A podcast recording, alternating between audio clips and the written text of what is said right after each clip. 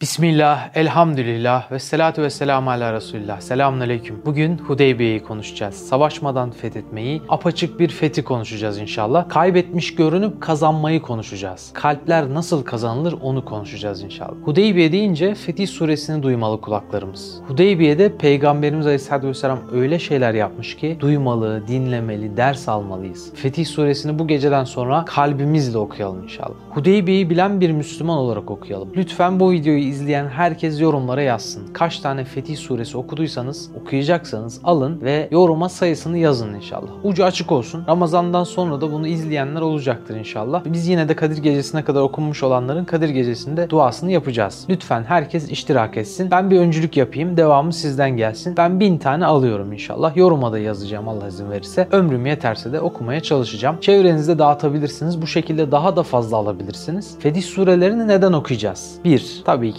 Allah için okuyacağız. İnşallah o okumaların alem İslamiyet'te ve alemi insaniyette nice güzel fetihlere vesile olmasında murad edeceğiz. Şu an bu fetihlere ümmetin çok ihtiyacı var. Mazlumların çok ihtiyacı var. Dünyanın çok ihtiyacı var. Kudüs'ün, Doğu Türkistan'ın, Araka'nın ve daha nice yerlerin bu fetihlere ihtiyacı var. Hudeybiye hadisesinin mektebine girelim. Gerçek fetih kavramını öğrenelim. İslam tarihindeki en önemli mekteplerden birisidir Hudeybiye. Kılıçla yapılan fetihlerin çok daha ötesinde kalplerin fethinin mektebidir. Gelin o mektebe girip rızkımıza düşen ilmi alalım. Hicretin 6. yılında Peygamberimiz Aleyhisselatü Vesselam çok güzel bir rüya gördü. Rüyasında kendisi ve sahabeleri Kabe'yi rahatça tavaf ediyorlardı. Daha önce de bahsetmiştim peygamberlerin rüyaları vahiy alma çeşitlerinden birisidir. Rüya vahyin 46 cüzünden bir cüzüdür. Sevgili Mekke zaten Allah Resulü'nün burnunda tutuyordu ve bunu sahabelerine sürekli bahsediyordu. 6 senedir hasretlerdi Beytullah'a. Kara sevdalarıydı Kabe. Efendimiz Aleyhisselatü Vesselam'ın bu haberine çok sevindiler. Gözyaşlarıyla şükür secdeleri birbirine karışıyordu. Bayram havası esti. Umre'ye gitmek niyetiyle hazırlandılar ve kurban etmek üzere de 70 deve seçtiler. Bu develer içinde Bedir Savaşı'nda ölen Ebu Cehil'in devesi bile vardı. Efendimiz Aleyhisselatü Vesselam yanına eşleri içinde Ümmü Seleme annemizi aldı. Umre için yola çıktılar. Zulhuleyfe'de ihrama girdiler. Yolda eklenenlerle birlikte sayıları 1500 olacaktı. Yanlarına sadece deve kurbanı için küçük yolcu kılıcı aldılar.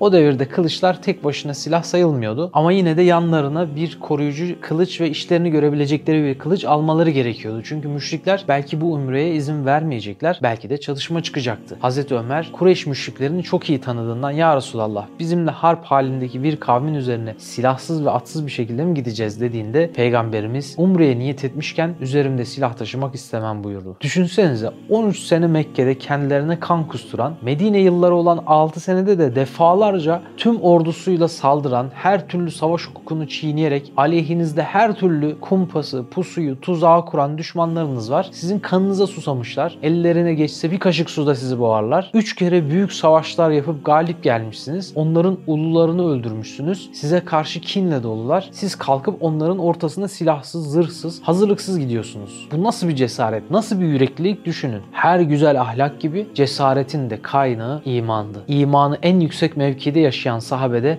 cesaretin o yüzden en yüksek frekansındaydılar. Bu hislerle yola çıktılar. Evet hakiki imanı elde eden adamlar kainata meydan okuyordu. Peygamberimiz Aleyhisselatü Vesselam Umre yolunda da tebliğ görevine devam ediyordu. Mekke civarındaki kabileleri görünce onlara İslam dinini anlatıp Kur'an okudu. Daha sonra onlara Müslüman olmayı teklif etti. Bunlardan biri de Nehdoğullarıydı. Revha Vadisi'nde yaşıyorlardı. Efendimiz onlara da aynı teklifi yaptı ama bu teklifi kibarca reddettiler. Onlar Efendimiz'e iyi davranıp aynı zamanda bol miktarda yağ ve süt gönderince Efendimiz ben putlara tapanlardan hediye alamam diyerek gönderdikleri şeylerin parasını ödedi. Yola devam ettiler ve Ebva'ya geldiler. Burada Efendimiz Aleyhisselatü Vesselam 6 yaşındayken annesini kaybetmişti ve gözyaşlarını tutamadı. Ebva'dan geçerken Efendimiz Aleyhisselatü Vesselam sakalı ıslanacak derecede ağlamaya başladı. Ashab-ı kiram ne olduğunu sorunca annemin bana olan şefkat ve merhametini hatırladım dedi. Tüm sahabeler de ağlamaya başladılar. Onun nasıl bir anne hasreti çektiğini biliyorlardı. Kalbi ince olanlar, kalbi merhametle dolu olanlar öksüzlüğe nasıl dayansın? Efendimiz Aleyhisselatü Vesselam kalbi en temizdi. O insanların en merhametlisiydi. Annesinin kabrine vardı. Etrafını düzeltti. Ayak ucuna dizüstü oturdu. Kılıcının kabzasını çenesine dayadı. Allah senin rüyalarını hakikate çıkardı anne. Doğru söyledin. Allah senin oğlunu zayi etmedi anne dedi. Ağladı,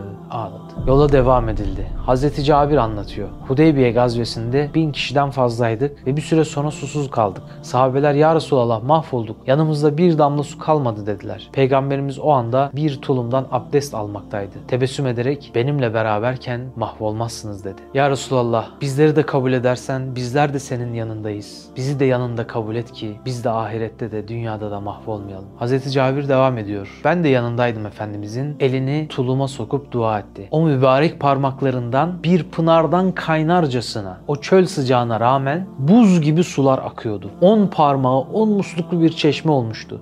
Cennetteki Kevser misali susuz sinelere ab hayat oluyordu. Muhteşem bir manzaraydı. Onu gören sahabeler aşka tutulmuş gibi vaka kaldılar ve o sudan aşkla doymaya çalışırcasına içtiler. Orduda bulunan herkes o tulumdan içti. Sağa sola koşuşarak buldukları her kabı doldurdular. Hz. Cabir gördüğü bu mucizeyi anlatmaktayken yanı başında bulunan Salim bin Ebil Cad o sırada yanınızda kaç kişi vardı dedi. Hz. Cabir ise 1500'e yakın sahabi vardı. Fakat onların sayısı 100 bin olsa da o su herkese bol bol yeterdi demişti. 3-5 kişinin değil 1000 kişinin önünde gerçekleşen bu mucize Zevra denilen yerde ve bu at seferinde de aynen yaşanmıştı. Yaşanan bir başka olaysa sahabe açlık çekiyordu ve o sırada karşılarından bir hayvan geçti. İhramlıyken avlanma yasağı var diye bir şey yapamıyorlardı. Ebu Katade'nin henüz ihrama girmediğini duydular. Hayvanı onun görmesi için dua ettiler. Çünkü ihramlının avı göstermesi de yakala demesi de yasaktı. O yüzden hiçbir şey yapamadılar. Ebu Katade sonunda hayvanı gördü. Okunu ve kılıcını aradı ama sahabe orada olmadı. Olamazdı. Bunun üzerine kendisi gidip hayvanı avladı ve getirdi. Sonra Allah Resulü de dahil olmak üzere hep birlikte o hayvanı yediler. Savaşta dahi olsa, aç da olsalar, imkanlar ne kadar zor da olsa sahabe her zaman Allah'ın gönderdiği hükümlere uygun davranırdı. Bahanelerin arkasına sığınmak yok hiçbir zaman onların lügatında. Umre grubu Mekke'ye yaklaştığında müşrikler toplanarak umre bahanesiyle savaşçı askerlerini Mekke'ye sokacaklar. Niyetleri kötü olmasa bile onlarla savaş yapalım dedikten sonra Uhud ve Hendek Savaşı'nda görev yapan askerleri hazırladılar. Peygamberimiz her zaman olduğu gibi sahabelere danışmak istedi. Hz. Ebu Bekir, Ya Resulallah, Allah ve onun Resulü yapılması gerekeni elbette bilir. Ama bize danışarak fikrimizi istedin. Bu yüzden de derim ki sen Kureş müşrikleriyle çarpışmak için değil, umre yapmak niyetiyle buraya geldin. Bu yüzden de Kabe'ye doğru yürü. Bizi umre yapmaktan kim alıkoyarsa onunla çarpışmaktan asla çekinmeyeceğiz. Şüphe yok ki Allah sana yardımcı olur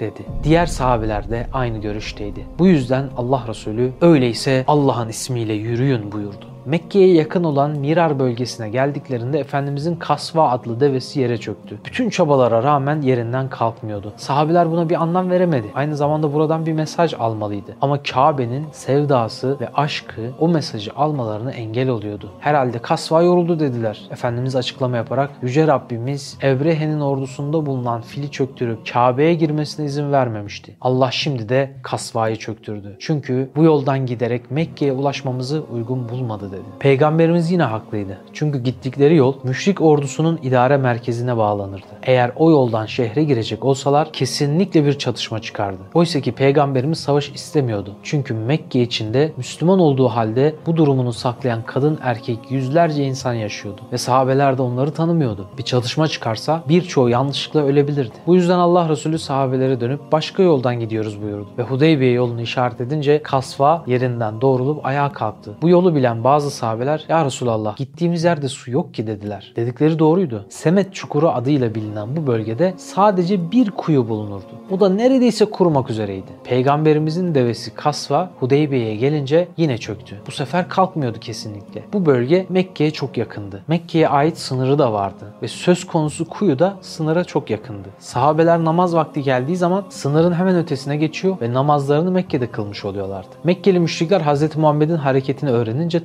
toplanarak ve ne pahasına olursa olsun Resulullah'ın Mekke'ye girmesine izin vermemeyi kararlaştırdılar. Resulullah'ın Mekke'ye daha fazla yaklaşmasına engel olmak üzere de Halid bin Velid komutasında 200 atlıdan oluşan bir birlik gönderdiler. Onlar da pusuya yatarak Müslümanların namaz kılmalarını beklediler. Müslümanların namazı kendi çocuklarından daha fazla sevdiklerini düşünüyorlardı. Namazı onların zafiyeti olarak görüyordu Halid bin Velid ve ikindi namazında onları öldürmeye karar verdi. Ancak Cebrail aleyhisselam bunu Efendimiz aleyhisselatü vesselam'a haber verdi. Efendimiz ikindi namazını korku namazı olarak kıldı. Müslümanların bu namazı Halid bin Velid'in gönlüne iman tohumunu eken namazlardan biriydi. Müslümanları gözlüyordu, korku namazı kılmalarını hayretle izledi. Belli ki bir manevi güç onlara haber vermişti ama bir yandan iç aleminde çalışmalar yaşamaya devam ediyordu. Fakat kalbindeki çekirdek ileride neşvi nema bulacaktı. Müslümanlar kuyunun yanında konakladılar. Hem kendileri hem de binekleri çok susamıştı. Seleme bin Ekva şöyle diyordu. Kafilemiz 14 bölükten ibaretti ve her bölük 100 kişiden oluşurdu. Hudeybiye'ye gelince bir kuyunun yanında konakladık. Bineklerle birlikte kurban edilmek için 70 tane de deve vardı. Kuyunun yanında birçok kabileye ait koyunlar vardı fakat kuyudaki su o hayvanlara bile yetmiyordu. Peygamberimiz bu durumu öğrenince kuyunun başına gelip oturdu. Dua etti. Kuyudan çekilen suyla abdest aldıktan sonra ağzındaki suyu kuyunun içine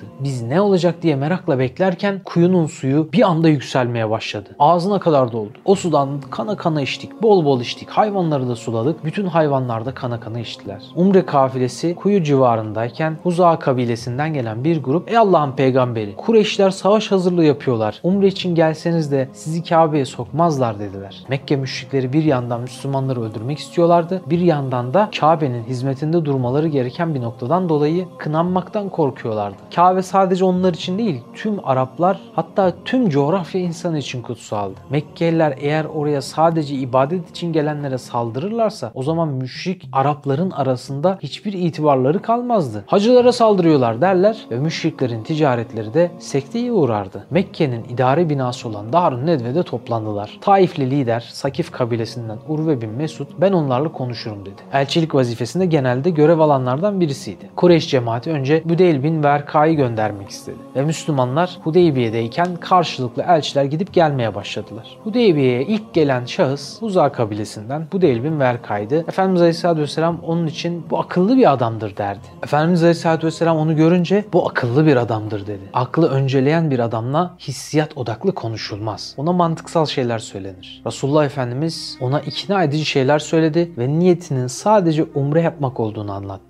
Öyle güzel konuşmuştu ki bu değil ikna oldu ve hatta Resulullah isterse gidip Kureyş'le konuşabileceğini söyledi. Efendimiz Aleyhisselatü Vesselam bunu kabul etti. Bu değil gidip Kureyşlilerle konuştu ama onlar ona hakaret edip onu dinlemediler. Bunun üzerine Allah Resulü Kureyş'e Hıraş bin Humeyye isimli bir elçi gönderdi. Kureyşliler peygamberin elçisine hakaret ettiler ve bineğini kestiler. Hıraş bin Humeyye canını zor kurtararak oradan ayrıldı. İlk elçi sonuç alamayınca Urve giden elçinin yetersiz olduğunu söyledi. Bırakın ben gideyim dedi. O saygın biriydi. Hatta Kur'an ilk indiğinde müşrikler neden Muhammed'e insin? İncek olsa Urve'ye inerdi dedikleri biriydi. Ama Kureyşliler onun Müslümanlara karşı müsamahakar, biraz yumuşak davranacağını tahmin ediyorlardı. Yine de konuşmalar neticesinde onu gönderdiler. Urve Efendimizle konuşmak için Hudeybiye'ye geldi. Efendimiz Aleyhisselatü Vesselam onun geldiğini öğrendiğinde onun için bu işleri bilen biri olduğunu ve onunla bir yol bulabileceklerini söyledi. Önce Umre'den vazgeçirmeye çalıştı. O olmayınca sonra da ya Muhammed geri dön. Mekkeliler sizi sokturmamak üzere yemin ettiler buyurdu. Uzun konuşmalardan sonra Urve bin Mesud orada bir şeye şahit oldu. Araplarda bir gelenek vardı. Muhabbet göstermek ve iltifat amacıyla konuşurken karşıdakinin sakalıyla oynamak yakınlık göstergesiydi. Hatta böyle tutarlardı. Urve bin Mesud bunu Resulullah Aleyhisselatü Vesselam yaptığında yüzü gözü kapalı birisi kılıcının kınıyla eline sertçe vurdu ve çek elini Resulullah'ın sakalından. Yoksa o elini vücudundan ayırırım. Müşrik eli ona dokunamaz dedi.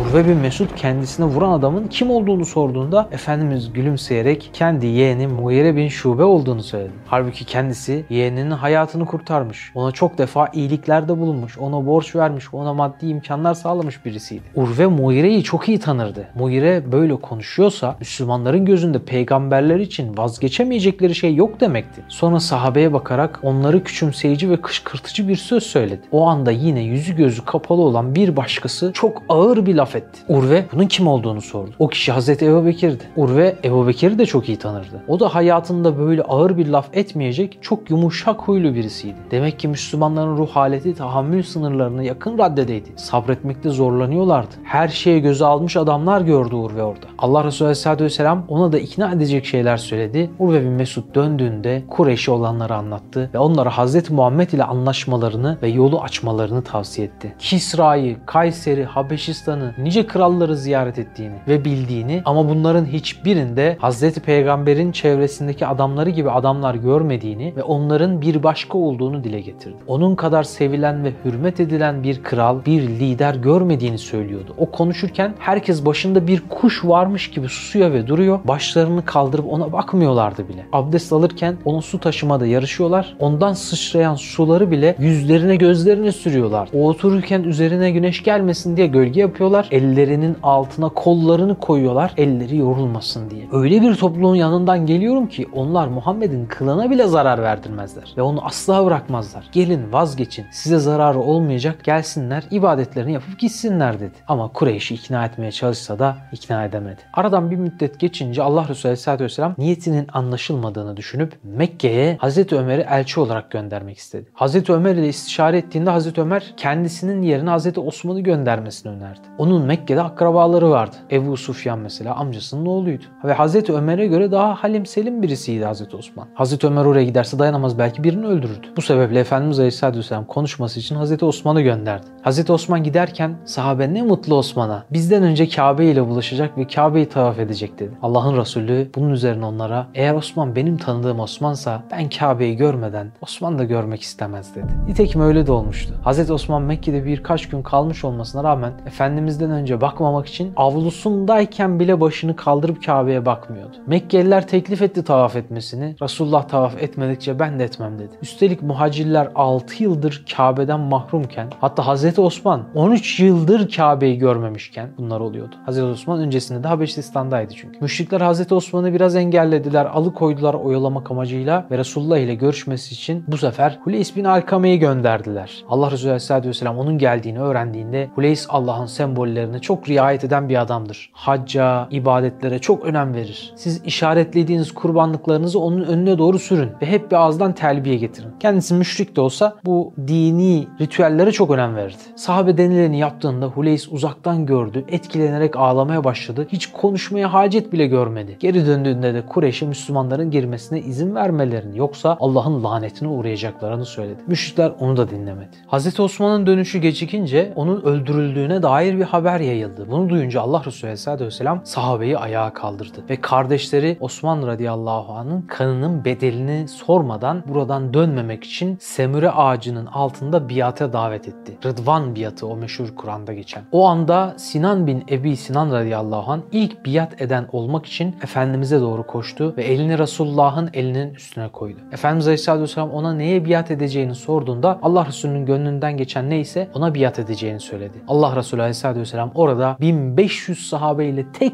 tek biatlaşmak için elini koydu. Resulullah bir süre sonra yorulunca Hazreti Ömer elinin altına elini koyarak böyle destek verdi. Efendimiz Aleyhisselatü Vesselam herkesle biatleştikten sonra bir elini Hazreti Osman'ın eli sayarak diğer elini onun üzerine koydu. Ve Hazreti Osman'ın yerine de orada biat etti. Sahabe tekrar Hazreti Osman'a imrendi. Keşke Osman'ın yerinde biz olsaydık dediler. Çünkü Allah Resulü ona vekillik ediyordu bizzat. Hazreti Osman biraz alıkonulduktan sonra ileride sağ salim bir şekilde geri dönecekti. Nebiler serveri mücahitlerden bağlılık yemini aldı. Bu yemin uyarınca sahabeler Allah Resulünden ayrılmayacak gerekirse bu uğurda öleceklerdi. Müşrikler bu yeminden çok korktu. Çok huzursuz oldu. İster istemez apar topar bir elçi gönderdiler. Müşriklerden elçi olarak en son Süheyl bin Amr geldi. Süheyl ismi kolaylık demekti ve Efendimiz Aleyhisselatü Vesselam onun geldiğini duyunca tefeül yaptı. Yani iyiye yordu. Bu bir sünnettir. Bir şeylerden hayra alametler çıkarmak, hayra yormak. Şerre yormak biliyorsunuz uğursuz görmek sünnette yoktur. Gelen Süheyl ise işimiz kolay dedi.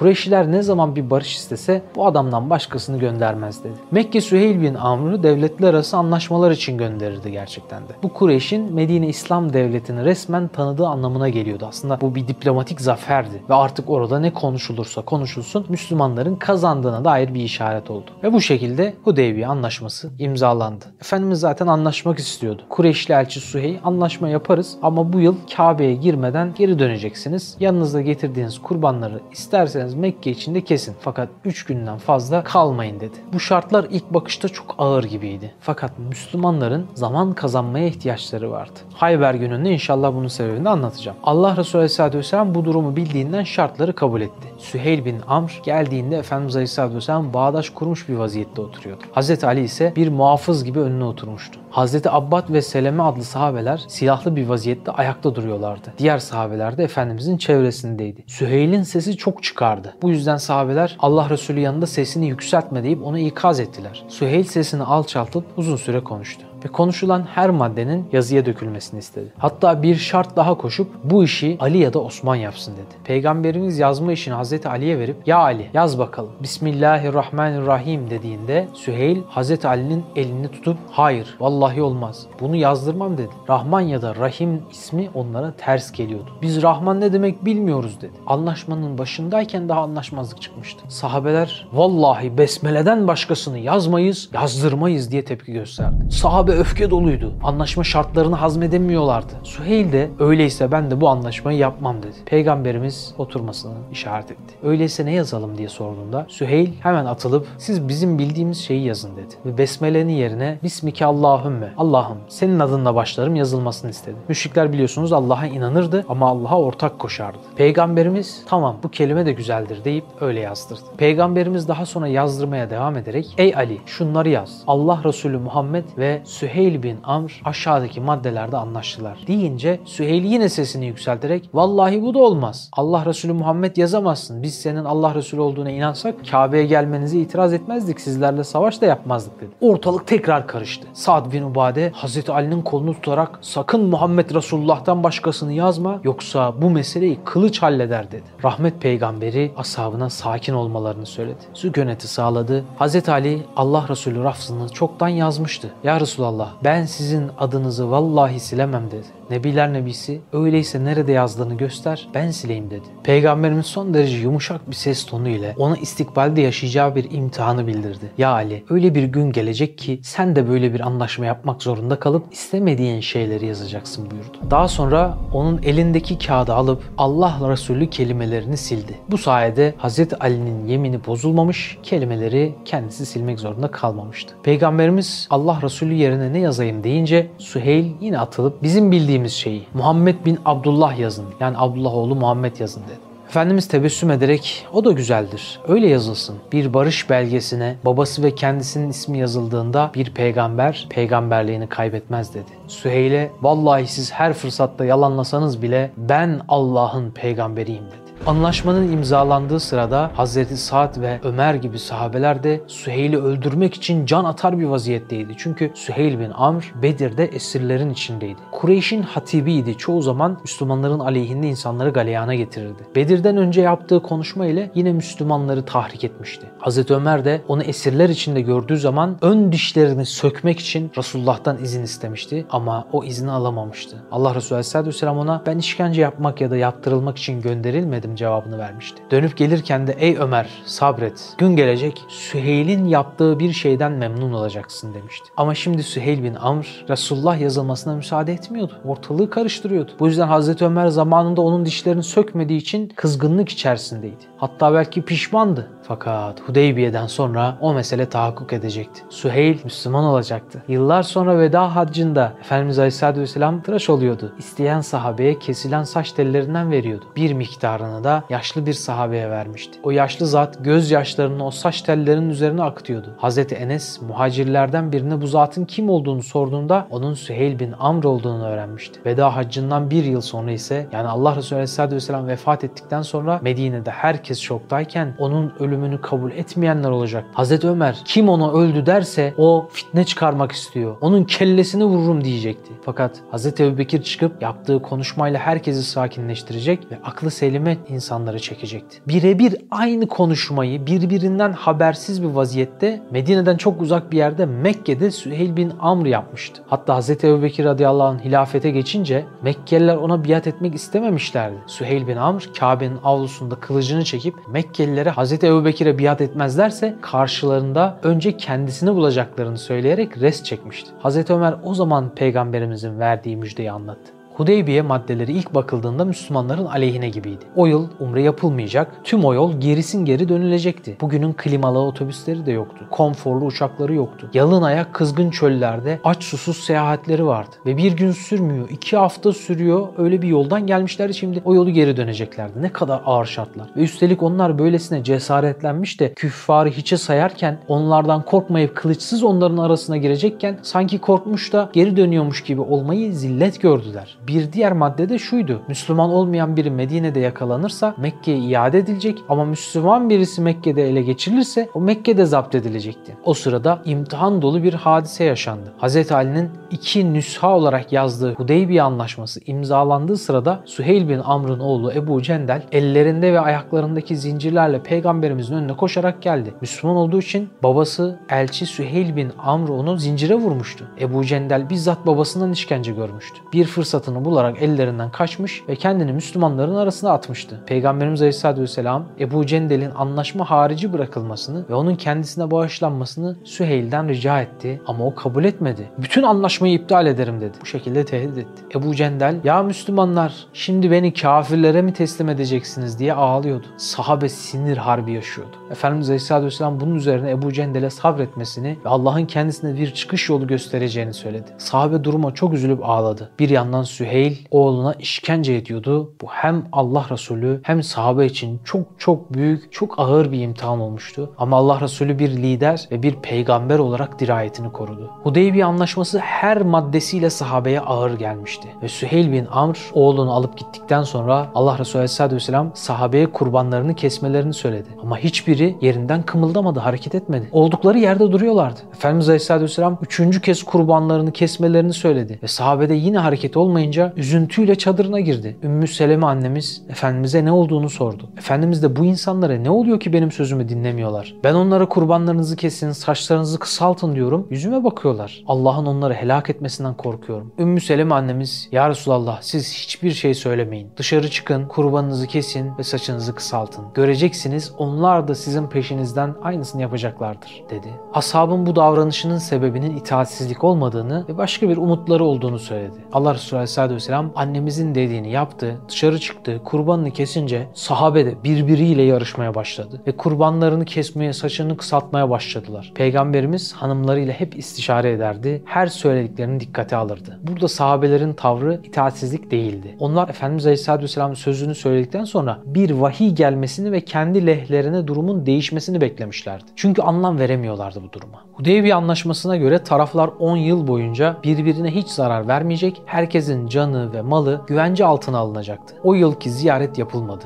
Bir yıl sonra umre yapacaklardı. Bu maddeleri içeren anlaşma 11 maddeden oluşmaktaydı. Üzerinde anlaşılan bazı maddeler sahabelere dediğim gibi çok ağır gelmişti. Mesela Mekke'deki Müslümanlar bu şehirden ayrılarak Medine'ye kaçsalar yine müşriklere teslim edileceklerdi. Fakat bir Müslüman dininden dönecek olursa Medine'den rahatlıkla ayrılabilecekti. Hazreti Ömer bir türlü bu durumu sindiremiyordu. Efendimiz Aleyhisselatü Vesselam'a kendisi gibi bazı sahabelerin de sözcüsü olarak çıkışmaya başladı. Sen Allah'ın peygamberi değil misin? Biz hak üzerine değil miyiz? Onlar batıl üzerine değil mi? Niçin bu zillete katlanıyoruz? Ya Resulallah sen Kabe'ye gideceğimizi, orada tavaf yapacağımızı söylememiş miydin? Hüzün peygamberinin kalbi dalgalandı. Evet, umre edeceğimizi söyledim ama bu sene yapacağımızı söylemedim dedi. Hazreti Ömer bu sefer aynı soruları Sıddık Ekber Hazreti Ebubekir'e sordu. O da ya Ömer Kabe'ye gideceğimizi söyledi ama bu sene gideceğimizi söylemedi dedi. Hazreti Ömer bu maddeyi çok ağır bulduğundan belki hiç yapmadığı bir hataya düşüp ya Resulallah bu şartı da mı kabul edeceksin? Dinimiz ayaklar altına düşmüyor mu diyerek itiraz etti. Bunun üzerine Ebu Ubeyde atılarak ey Hattaboğlu Allah Resulü bu anlaşma sayesinde Mekke'nin fethini bize müjdelerken sen onun bu sözlerini duymuyor musun? Şeytandan Allah'a sığın diye kükredi. Hazreti Ömer bundan sonrasını şöyle anlatmaktadır. Ebu Ubeyde'nin sözleri üzerine o kadar utandım ki hemen Allah'a sığındım. Çünkü İslam'ı seçtiğim günlerden beri ilk defa bir şüphe duymaktaydım.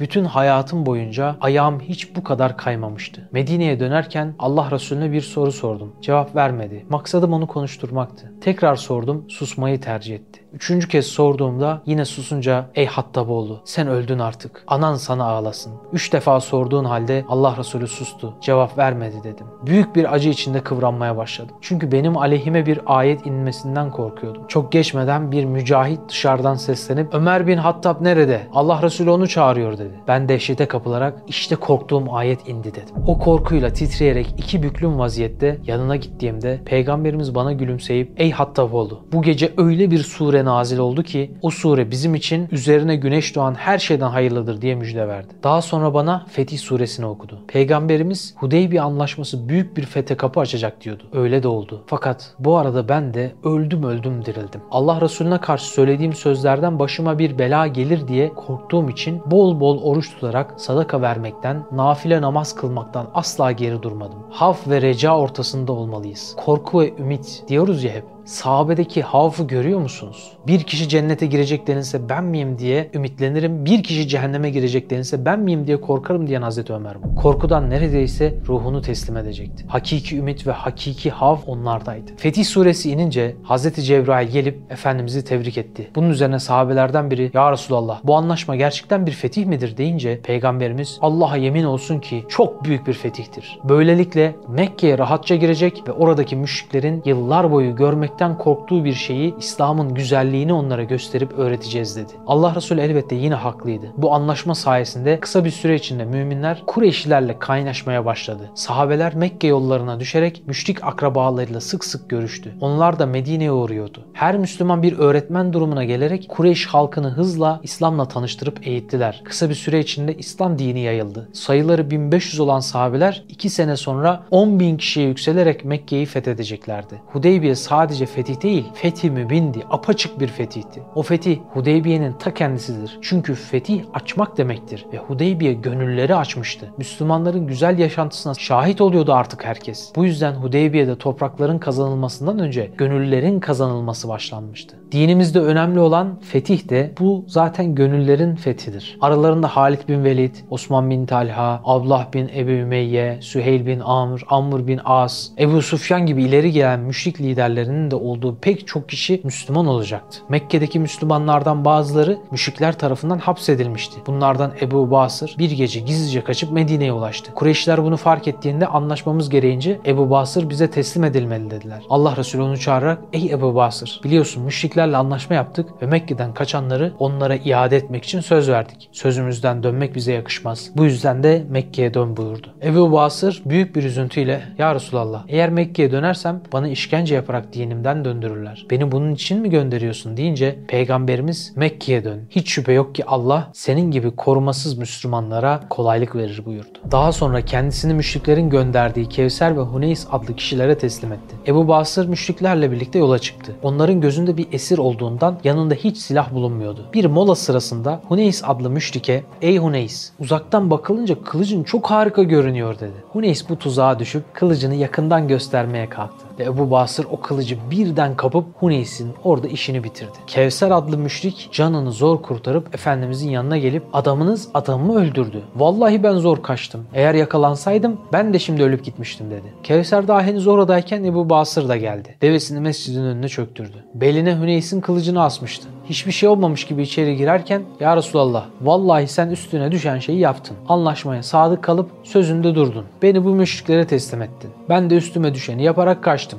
Böylece işkence görüp din değiştirmekten de kurtuldum dedi. Peygamberimiz onun yaptıklarını ve sözlerine şaşırıp ne adam yahu sanki ateş parçası, savaş kışkırtıcısı. Hele bir de etrafında adamları bulunsa her şeyin hakkından rahatça gelir dedi. Daha sonra kendisine haydi nereye istersen oraya git buyurdu. Ebu Basır Mekke Şam yoluna doğru hareket etti. Kevser adlı müşrik de hemen Mekke'ye dönerek olanları anlattı. Müşriklerin tamamı Muhammed sözünde durup onu teslim etmiş ya bu yüzden suç Ebu Basır'ındır dediler. Müşriklerin gözünde Ebu Basır bir isyancı durumundaydı. Bu yüzden de yaptıkları Allah Resulü'nü bağlamıyordu. Efendimiz Ebu Basır hakkında hele bir de etrafında adamları bulunsa her şeyin hakkından rahatça gelir buyururken Hazreti Ömer bu sözlerden hoşlanmıştı. Ona göre bu ifade bir tavsiye gibiydi. Bu yüzden de Mekke'ye bir haberci göndererek Müslümanlardan işkence görenler varsa hemen oradan kaçarak Ebu Basır'ın yanında toplansın dedi. Kısa zamanda Mekke'den kaçan müminler Ebu Basır'ın yanında toplanmaya başladılar. Sayıları 300'e ulaşınca Kureyş kervanlarının yolunu kesmeye ve onları perişan etmeye başladılar. Kureyşler hemen Allah Resulüne koşarak sen sözünde durarak Ebu Basır'ı yanına almadın. Onun adamlarını da Medine'de tutmadın. Fakat şimdi bu maddeyi değiştirmek istiyoruz. Mekke'den ayrılanlar isterlerse sana sığınabilirler. Ebu Basır da yanına gelebilir dediler. Bu süreç içerisinde Medine'den Mekke'ye giden olmadı. Allah Resulü de zaten bunu istemekteydi.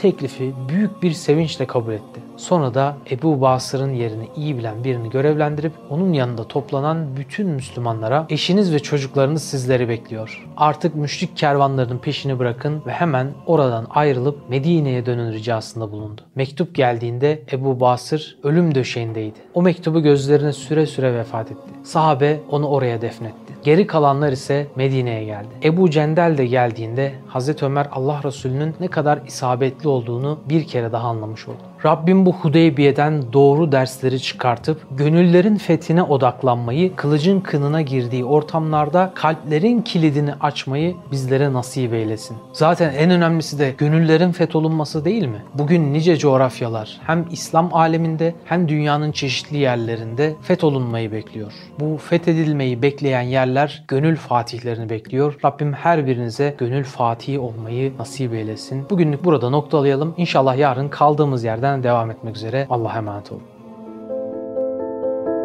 Osman Sungur Yeke'nin yeni çıkan Hadi İnşallah kitabını Nüve Pazar, DNR ve kitapyurdu.com'dan satın alabilirsiniz.